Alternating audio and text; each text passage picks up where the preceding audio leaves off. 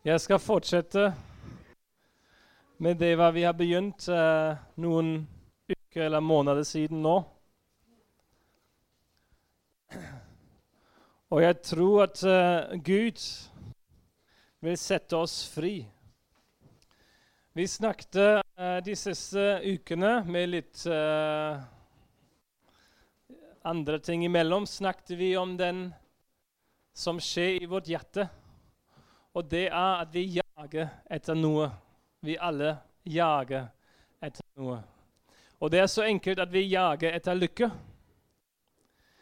Vi noen ganger kler det litt åndelig og det ser ikke ut som vi jager etter lykke. Men veldig enkelt blir det sånn. Fordi verden der ute og den samfunn vi bor i, den breker til deg hver eneste dag. Og når du står ut og hører hva de sier, når du slår på TV, når du ser um, um, markedsføring og sånne ting, da forteller de deg ett budskap. Det ser noen ganger litt annerledes ut, men pga. det alt sammen Du må være lykkelig. Og for å være lykkelig trenger du det og det og det. Faktisk hele økonomien funker bare på grunn av den grunnlag. At vi trenger mer å være lykkelig. Og da er det jo selvfølgelig Eller det må jo skje. Det er ikke må, men det skjer jo at det kryper inn i menighet. At vi kanskje sier ja, jeg uh, vil ha jeg, jeg vil se helbredelse gjennom mine bønn. Men hvordan føles det ut når du legger hendene dine på en syke, og den blir helbredet? Enkelt kan det bli at det føles lykkelig ut. Wow, nå blir noen helbredet. Og jeg er full for helbredelse. Jeg er for å legge hendene på de syke. Men vi må passe på at vi ikke gjør det fordi vi også har behov å være lykkelig. Og vi bare gjør det gjennom en åndelig vei. Så vi har snakket mye om det, og jeg skal ikke gjenta altfor mye om det. Men Gud presenterer jo en motsatt jakt. Og det er at vi skal jage etter Guds frykt. Og vi har, vi har vært innom det, og vi begynte med å snakke om ubesvart bønn. Det var lenge siden nå, men vi snakket om hvordan det viser at så ofte jager vi etter vår egen definisjon av lykke, og derfor ser det ut som ubesvart bønn. Vi alle opplever noen ganger kanskje at bønnene blir ikke svart, men det er kanskje fordi vi har feil jakt i vårt hjerte. Og Da snakket vi om 1. Korinter 10, 1-13, og det er hovedbibeltekst eh, som vi har vært inn. Og Der står det at eh, Israels folk gikk gjennom vannet, de hadde Guds navn med seg, de spiste fra den åndelige um, klipp. Det var Jesus. De drakk den åndelige um, um, trikk. Og de gjorde alt det. Men uansett blir de fleste forkastet. Og Vi snakket om hvordan det ikke er nok å bare følge noen prinsipper og praksiser og tenke at det er nok å bli frelst. Og vi snakket om at vi må bli testet av Gud for å bli kjent av Gud. Og da snakket vi om um, Da snakket vi om I 1. Korinter 10, 1-13, der står det at vi skal ikke ha lyst til det onde. Og da er det nevnet fire ting som driver oss og har lyst til det onde. Og Vi snakket først om avgudsdyrkelse. Det var fire avguder som vi snakket om. Anerkjennelse, makt, sikkerhet og trøst. Vi snakket om seksuell umoral. Vi snakket om utakknemlighet. Og nå kommer den siste i den liste. Men kanskje vi slår opp 1. Korintene 10 og leser gjennom sammen. 1. Korintene 10. Vi kan lese gjennom hele bibeltekst, så vi alle blir på samme side. Jeg vil at dere skal vite dette, søsken. Våre fedre i ørkenen var alle under skyen, og alle gikk de gjennom havet. Alle blir døpt til Moses i skyen og i havet. Og alle spiste de den samme åndelige mat og trakk den samme åndelige trikk. For de trakk av den åndelige klippe som fulgte dem, og den klippen var Kristus. Likevel forkastet Gud de fleste av dem, for de blir slått ned da i ørkenen. Disse hendelser er advarende eksempler for oss. De skal lære oss ikke å ha lyst til de ånde, slik de hadde. Bli ikke avgudsdyrkere, slik som noen av dem. For det står skrevet, folket satte seg ned for å spise og drikke, og så sto de opp for å danse. La oss hele ikke drive ho, slik som noen av dem gjorde. Så 23 000 mennesker falt på en dag. La oss heller ikke sette Kristus på prøve, slik noen av dem gjorde, som blir drept av slangene. Og la oss ikke være misfornøyde og myrde, slik noen av dem gjorde, de som blir drept av ødeleggeren. Det som hendte meg med dem, skulle være til advarsel. Det blir skrevet til rettledning for oss, og til oss er det de siste tider kommet. Derfor må den som tror han står, passe seg så han ikke faller. Dere har ikke møtt noen overmenneskelige fristelser, og Gud er trofast, han vil ikke la dere bli fristet over evne. Nei, når dere blir fristet, vil han vise en utvei, slik at dere kan holde ut. Så vi ser i vers 9, den fjerde av de fire. La oss heller ikke sette Kristus på prøve, slik noen av dem gjorde, de som blir drept av slangene. Hva betyr det? Det er jo fire ting som er veldig ty tydelige. Avgudsdyrkelse. Det er feil. Seksuell umoral. Utakknemlighet. Men der står det 'la oss ikke sette Kristus på prøve'. Hva skjer her, og hvorfor er det så farlig som at Paulus advarer her? Jeg tror vi må forstå den setning i den hele teksten. Og Da må vi gå tilbake til som hva vi har snakket om før, at Gud setter oss på prøve. Vi leser det jo i vers 13.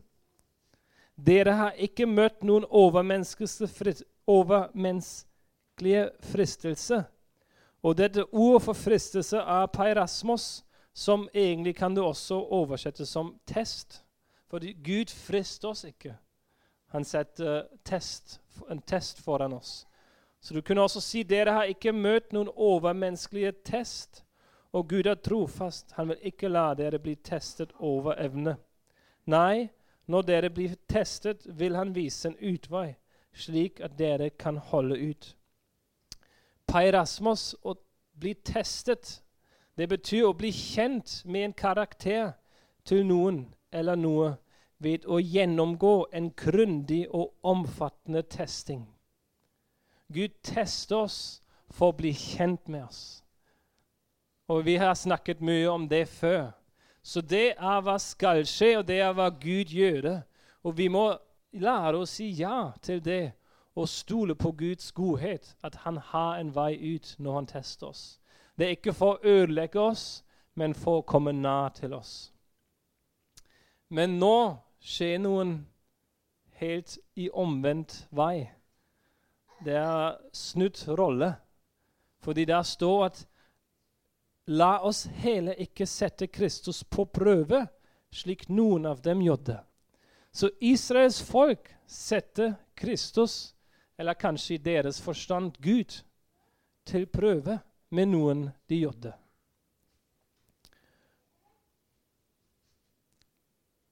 Vi kan lese det i 2. Mosebok 17. Andre Mosebok 17.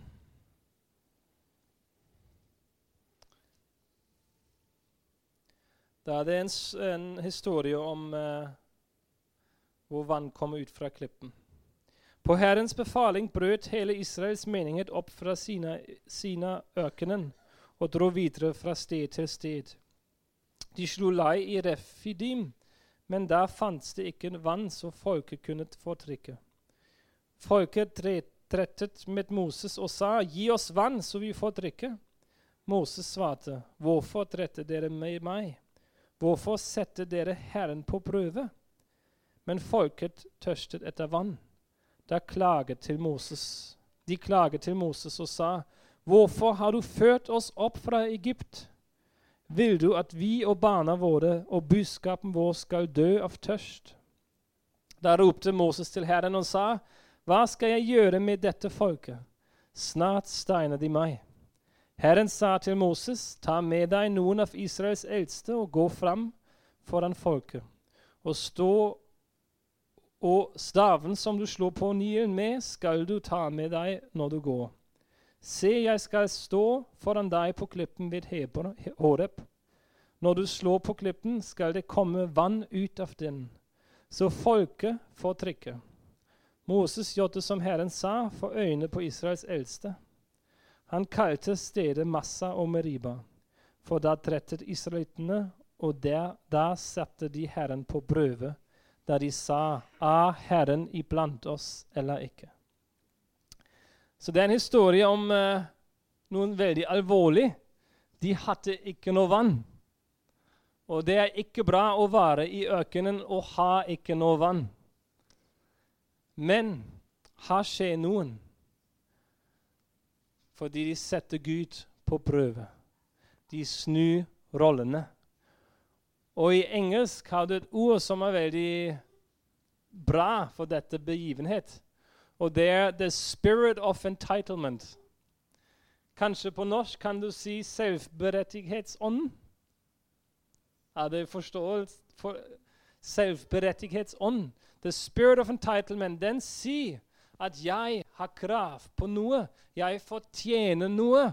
Jeg er jo, han som er, jeg er jo den som jeg er, så jeg, jeg må jo få det nå. The spirit of entitlement. Selvberettighetsånd ha av Israels folke, som var slavene i Egypt, som har vært ført ut fra Gud gjennom Den røde havet. Og da står de og sier ja, 'Hvor er vannet nå?' Gud, vi trenger jo vann nå. Vi er jo tørst.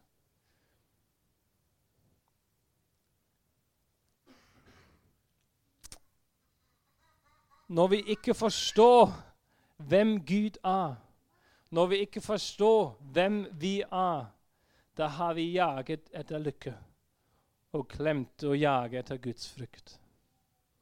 Og da tar vi posisjonen av Gud, som skulle teste oss, og vi tester Gud og sier, 'Gud, nå må du komme'. Og vi glemmer at alt som vi får, hvert eneste pust du har i, kropp, i din kropp, er bare nåde. At Gud lar deg leve en minutt lenger. Det er bare nåde.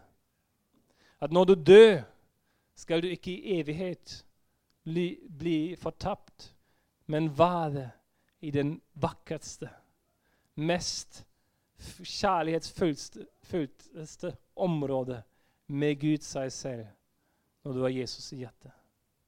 Det er bare nåde. Det hva du har fortjent akkurat nå, er å dø og bli skjult fra Gud for all evighet. Det er resultatet av hva vi mennesker har fått til gjennom Adam og Eva. Men Jesus bryter inn og sier nei. Jeg elsker. Jeg elsker mine folk. Jeg elsker mennesker. Jeg skal frelse dem. Men i Israels folke skjedde noen som der snudde rollene. Og selvberettighetsånden kom over de. Og Vi kan se det veldig tydelig og veldig ofte i vår generasjon, i vårt liv også. Ja, hvorfor hører Gud mine bønner ikke? Hvorfor er jeg fortsatt syk? Hvorfor skjer det og det og det? Hvorfor må jeg lyde? Hvem sitter på tronen? Gud og du. Gud er god. 100 Noen ganger forstår vi ikke hvorfor ting skjer. Og jeg ikke gjør det jeg ikke sier det er enkelt. Jeg har ikke noen forklaring for mange ting som skjer, som er veldig vondt. Kanskje du har opplevd noe veldig, veldig, veldig vondt. Og jeg vet ikke. Men hele lar mysterium stående og være i Guds nærvær. En forklare mysterium med en selvberedighetsånd og skille meg fra Guds nærvær. For det er det hva skjer. Du kan ikke sitte på dronen og teste Gud og være nær til Han. Fordi i den øyeblikket selvberettigelsens ånd kommer i deg, da blir du fornærmet av Gud i ditt hjerte. Og det var skjedde her. Og der skjer tre ting. Dette selvberettigets ånd ledet Israels folk i tre fallgruver. Det første fallgruve er at de stiller spørsmål ved Guds nærvær og løftene hans pga. en vanskelig og utfordrende livssituasjon. De stiller spørsmål om Guds nærvær og løftene hans pga. en vanskelig og utfordrende livssituasjon. De spurte på slutt, ikke sant? Da spurte de er Herren iblant oss eller ikke. Gud har jo vist sin nærvær. Han har jo løftet at han skal være nær. Men nå opplever de noe vanskelig, og det er kjempevanskelig å ikke ha noe vann i ørkenen. Men plutselig er det ikke bare spørsmål om de kan få vann, men spørsmål om Gud, sin nærvær og sine løfter. Er Herren virkelig iblant oss? Det er så enkelt at en ting som skjer her, påvirker min hele oppfatning av Gud. Men det er farlig når det skjer. Første fallgruve. Vi også stiller spørsmål ved Guds nærvær og løftene hans på grunn vi går gjennom vanskelige situasjoner. Andre fallgruve. Vi stiller spørsmål ved Guds trofasthet og godhet av en vanskelig og utfordrende livssituasjon. Er Gud virkelig god når jeg mister kanskje en næreste venn eller familiemedlem? Hvordan kan Gud være Gud? Hvordan kan Gud være Gud og god og ikke ha stoppet det og det og det? Men hva gjør du da? Du sitter på tronen. Ja, jeg ville ha jo gjort det mye bedre. Jeg ville jeg ha visst hvordan jeg ville ha gjort å solve den vanskelige situasjonen. Du er fornærmet av Gud. Og Det var Israels folk gjorde. De spurte hvorfor har du ført oss opp fra Egypt. De hadde ikke noe vann, og plutselig var det hvorfor har du ført oss opp fra Egypt? Det var jo mye bedre da. Og vi vil tilbake til det hva egentlig var kjempevanskelig, og plutselig er så bra. Tredje fallgruve. Vi lager konklusjoner om Guds karakter basert på vår skuffelse og sårhet.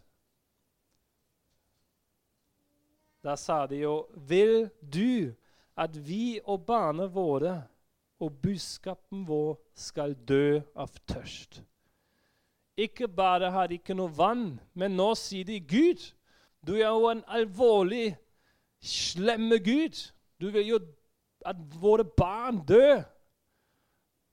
Hvilken Gud ville gjøre det? Du vil jo at vår budskap dør. Og da stiller de spørsmål ved og om Guds karakter. Så ofte definerer vi Gud og hvem han er, gjennom våre brillene og hva vi opplever, istedenfor Bibelen og hva Bibelen sier.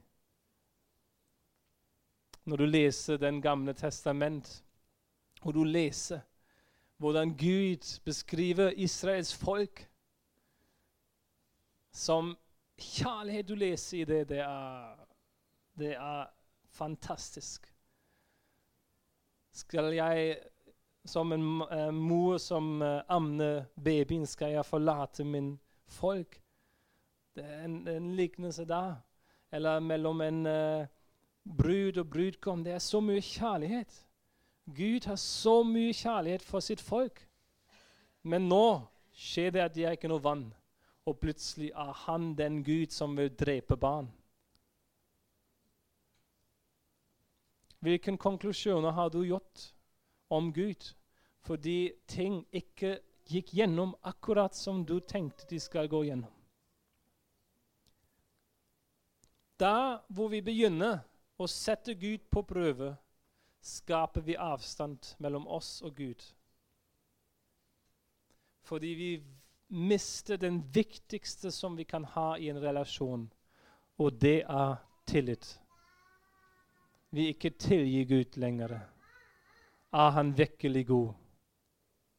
Der hvor vi har ikke noe tillit i en relasjon, kan vi ikke være i en nær relasjon. Fordi jeg må jo forsvare meg.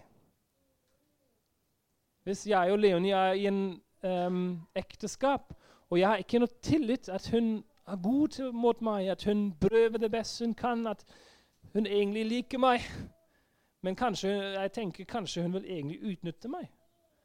Da må jeg være forsiktig. Hvor mye gir jeg i den relasjonen?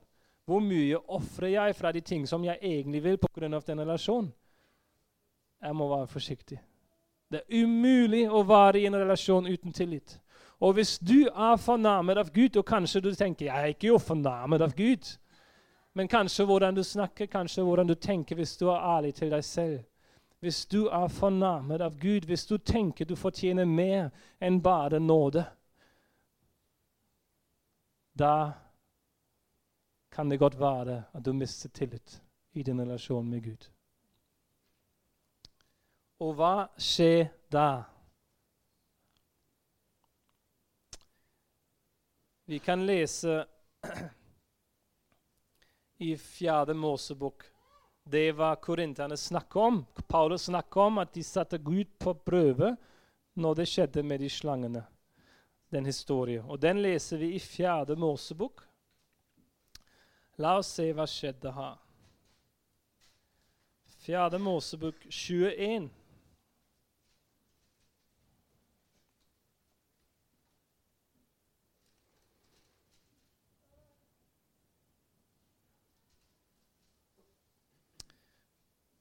Fjerde Mosebok 21, vers 4.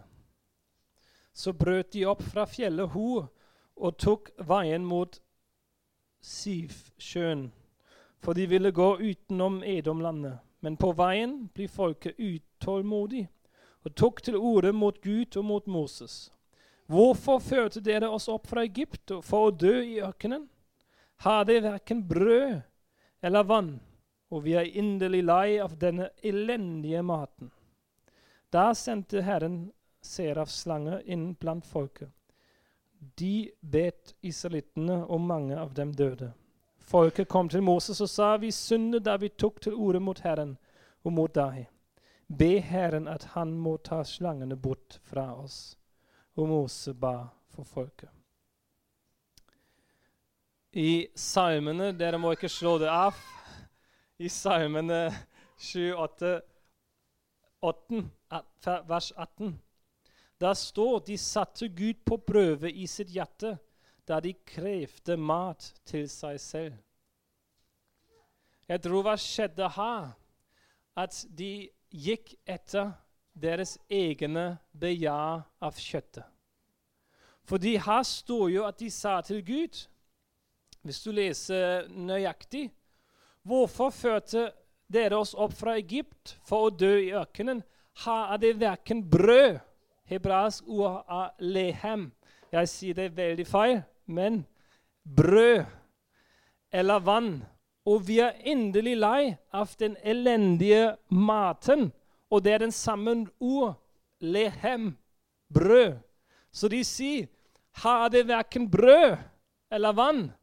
Og vi er endelig lei av den brød som vi har. Så de har brød, men de sier de har ikke noe brød. Gud har forsørget de med brød fra himmelen. Hvert eneste dag. Men i deres realitet er det her er det verken brød eller vann. Så ofte er det gode som Gud gir oss, plutselig ikke lenger nok, så at vi ser ikke hva vi har, isteden og isteden ser vi hva vi ikke har. Den brødet som verden lover oss, er så ofte mye bedre enn den brødet som Gud gir oss hver eneste dag. Og da er vi også i utakknemlighet, og Anne Lillegan Olaf har snakket om det. Men det, vi har en beja i vårt hjerte, vårt kjøtt, egentlig bedre å si. Vi har en beja i vårt kjøtt som plutselig lukker øynene for Guds eh, omsorg.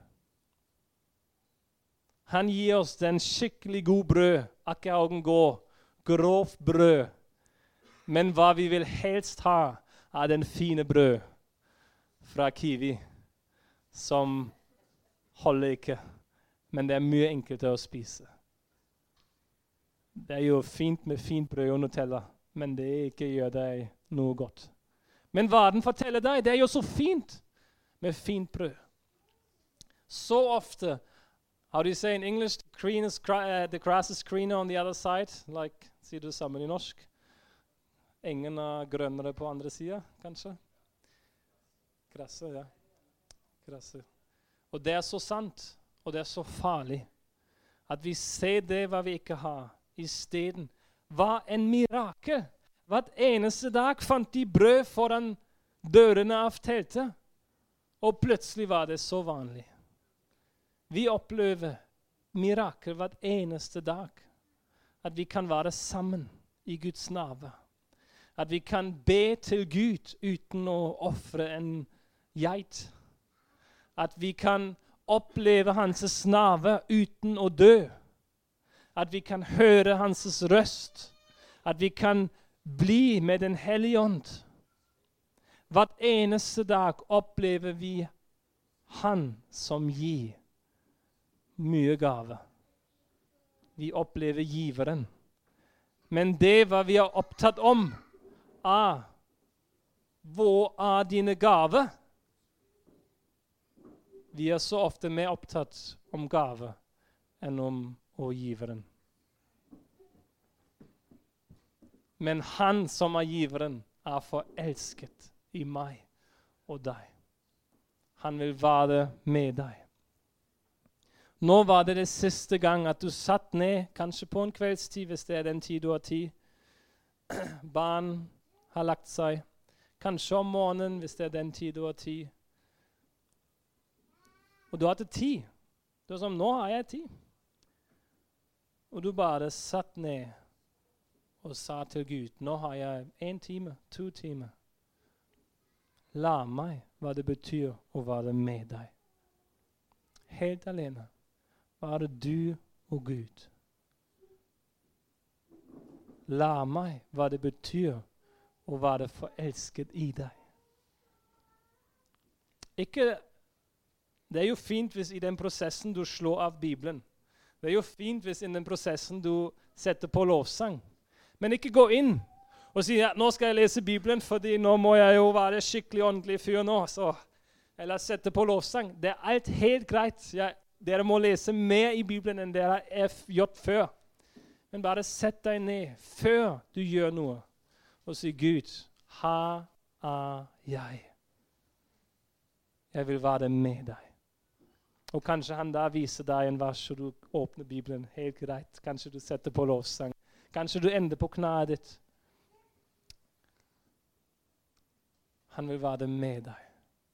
Men hvis vi vil være med han, må vi til. Så vi må stole på Gud, at han er god. Vi må stole på Gud, at han er med oss, og han ikke lar oss være alene. Og da dreper vi kjødets begjær. Fordi det er så mye enkelte på den Kveldstid når du sitter deg ned. Jeg lover deg, det er så mye enklere å slå på YouTube. Og hvis du er åndelig, da slår du på en uh, podkast hvor det er tre mennesker som elsker Jesus, og de snakker om den nyeste mening om det og det. Og hvis du er ikke så åndelig, da slår du kanskje på um, noe annet. Men begge deler er så mye enklere å slå på. Det er så mye enklere å gå etter ditt kjødets begjær. Men jeg lover deg, når du spiser den fine brød, da blir du Da blir du ikke bra i magen etter hvert.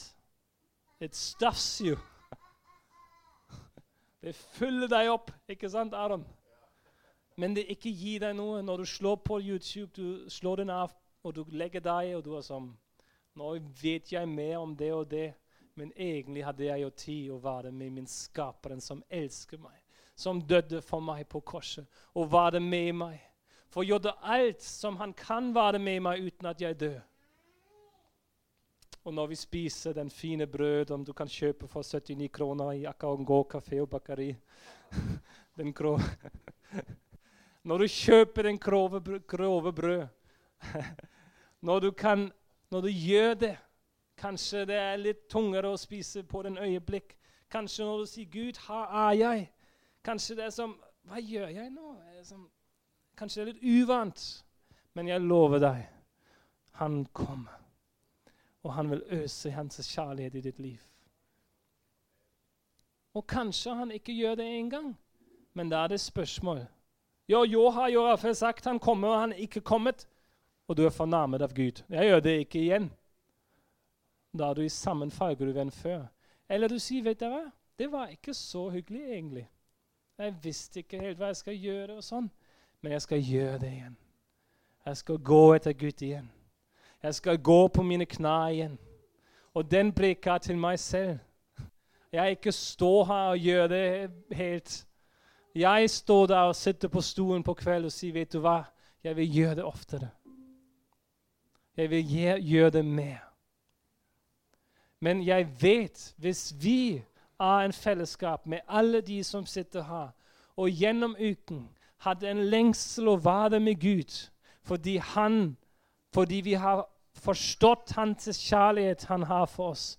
Og da kommer vi sammen. Da øser det ut fra oss.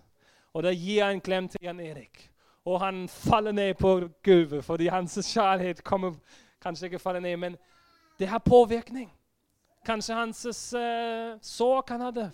Gå ut. Kanskje din uh, vanskeligheten det går ut. Fordi Gud er skaperen av universum, og han vil være i deg og med deg og ett med deg.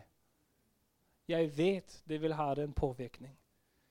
Isteden at vi har um, mettet begjæren av vårt kjøtt gjennom uken. Og da kom vi. Og våre lyster og høyt. Våre behov for å være stimulert og høyt. Og Da går vi ut og sier egentlig var den lovsang ikke så greit i dag. Det var ikke så godt.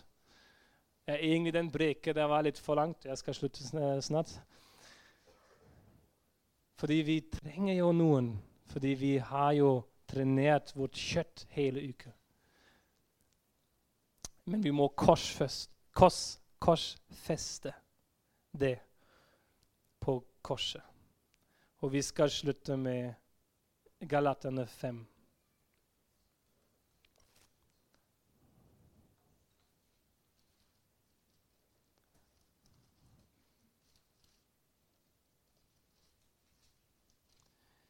Galaterne kapittel 5, vers 16 til 25. Jeg sier dere, lev et liv i ånden. Da følger dere ikke begjæret i menneskets kjøtt og blod. For kjøttets begjær står imot ånden, og åndens begjær står imot kjøttet. Disse ligger i strid med hverandre så dere ikke kan gjøre det dere vil. Men blir dere drevet av ånd, er dere ikke under loven. Det er klart hva slags gjerninger som kommer fra kjøttet. Ho, umoral, utskeielse, avgudsdyrkelse, trolldom, fiendskap, strid, sjalusi, sinne, selvheftelse, stridigheter, splittelse, misunnelse, full festing og mer av samme slag. Jeg har satt deg før, jeg har sagt det, det før, og jeg sier det igjen. De som driver med slikt, skal ikke arve Guds rike. Men åndens frukt er kjærlighet, glede, fred, overbarenhet, vennlighet, godhet, trofasthet, ydmykhet og selvbeherskelse. Slik, slike ting rammes ikke av loven. De som hører Kristus til, har korsfestet kjøttet med det, dets lidenskaper og begjær. Lever vi ved ånden, så la oss også vandre i ånden. De som hører Kristus til, har korsfestet kjøttet. Det er ikke å prøve mer. Det er ikke å gjøre det bedre. Det er å, å tilhøre Jesus. Spørsmålet er ikke hvem eller hva du gjør. Spørsmålet er hvem sin er du? Hvem tilhører du? Vi tilhører Jesus. Og da kommer Den hellige ånd og setter oss fri fra den jakten av lykke. Og han setter oss i en jakt etter Guds frykt. Så kanskje vi kan stå opp sammen. Og kanskje vi kan lukke våre øyne. Og kanskje vi kan tenke på vårt eget liv.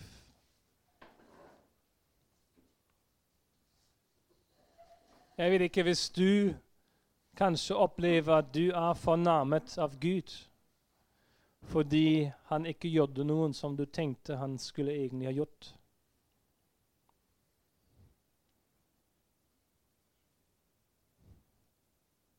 Kanskje du har snudd rollene og har satt Gud på prøve.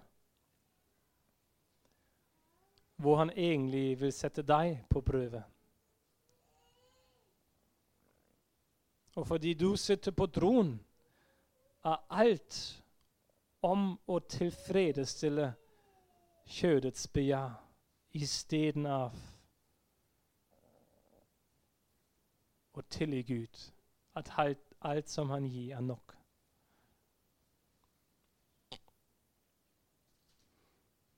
Helligånd, jeg ber for vårt fellesskap her. Vårt eneste individ individuelle menneske som står her, som du har så mye behag inn i. At du frelser oss fra oss selv. At du frelser oss fra den selvberettighetsånd, the spirit of entitlement. Og at vi kan gi alt som vi har, som en ofre ut av takknemlighet av hva vi har forstått du har gjort for oss. At vi ikke gir alt som vi har, med den forståelse at vi skal få tilbake.